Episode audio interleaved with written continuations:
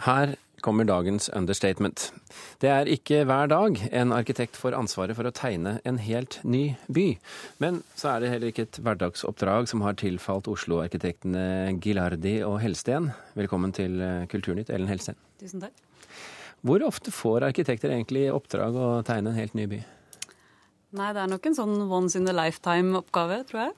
Det er en by borti Brasil som ble tegnet på den måten en gang? Ja, det var det nok. Jeg tror kanskje også Snøhetta har fått i oppdrag nede i Afrika et sted? Ja. Midtøsten i hvert fall? Det kan nok være.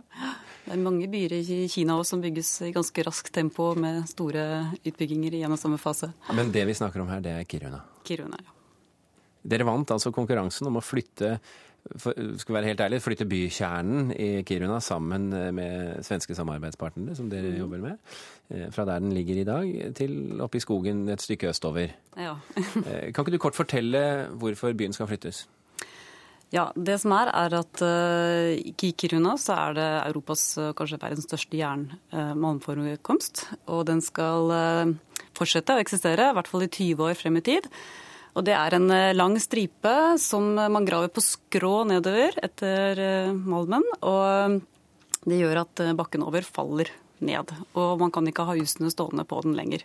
Dvs. Si at grunnen under husene faller sammen. Ja, det sprekker opp nå, ikke sant? Ja. Du kan se sprekkene i bakken nå? Ja, du kan se sprekkene i bakken, og du kan se sprekker i husene. Og, eh, og, nå er det jo også slik at Kina kjøper, som du nevnte, de bygger nye byer. De kjøper mm. veldig mye jern for tiden. Ja. Og Det er en av de store grunnene til at denne bare kommer til å fortsette å eksistere, denne gruven, pga. det store markedet globalt sett. Dessuten så er jo også hele nordområdene og hele Nord-Sverige også full av andre mineraler. Så muligheten for at LKAB, gruveselskapet, kommer til å være der i lang tid fremover, er ganske stor. Hvorfor ville egentlig dere være med i denne konkurransen?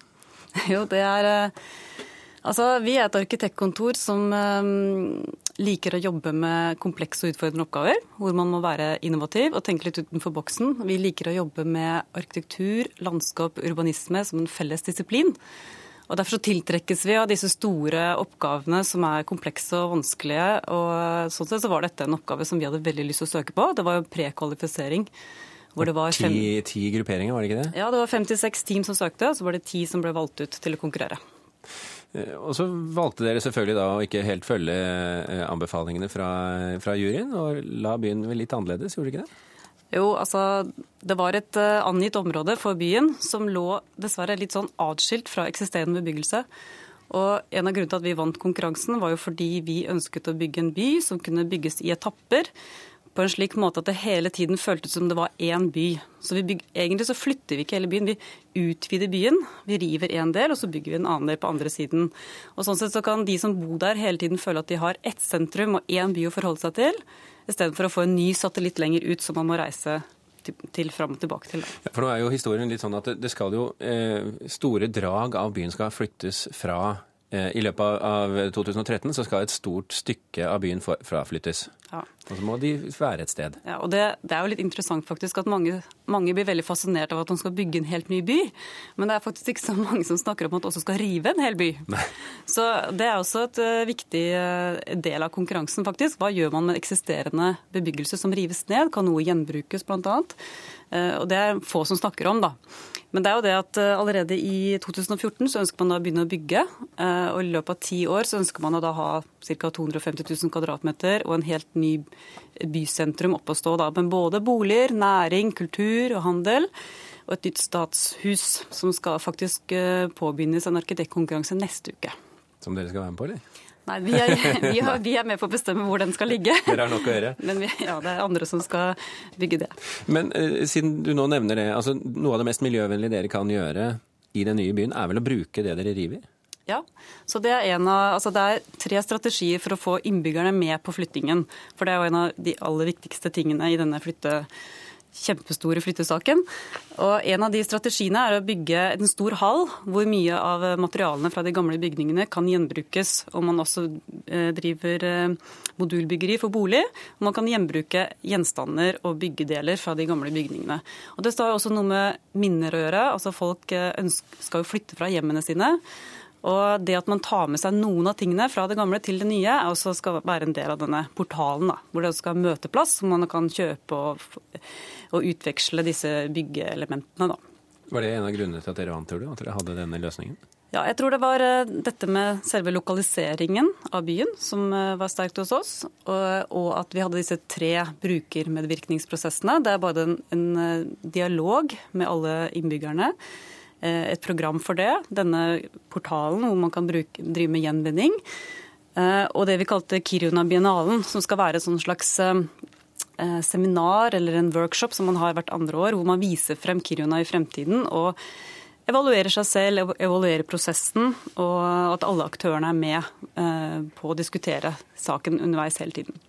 Eh, nå er det jo som nevnt ikke alle som får lov til å bygge et helt nytt bysentrum eh, og, og legge infrastruktur på plass osv. Dere får det. Hva slags by skal Kiruna bli? Ja, Det som er viktig for Kiruna, er jo altså Det er en problematikk der oppe. Det er eh, Sveriges nordligste by. Det er et veldig kaldt klima. Vi er liksom i arktisk klima. Det er ingenting i nærheten, annet enn skog?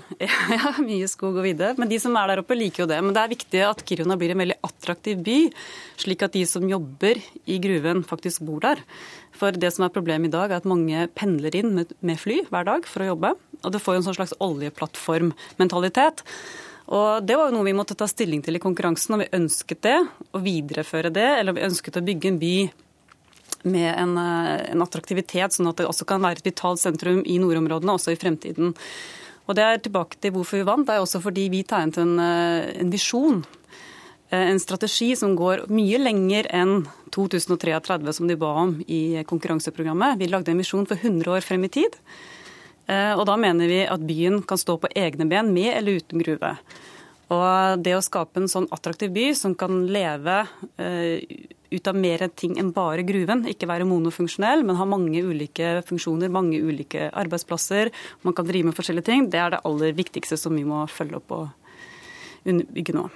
En arkitekt som jobber i hundreårsperspektiv, det er jo også tilhører sjeldenhetene. Men det var hyggelig å i hvert fall ha en i, i studio nå. Ellen Helsten fra Gilardi og Helsten, tusen hjertelig takk for at du kunne komme til Kulturnytt. Vant altså konkurransen om å flytte eh, Kiruna by.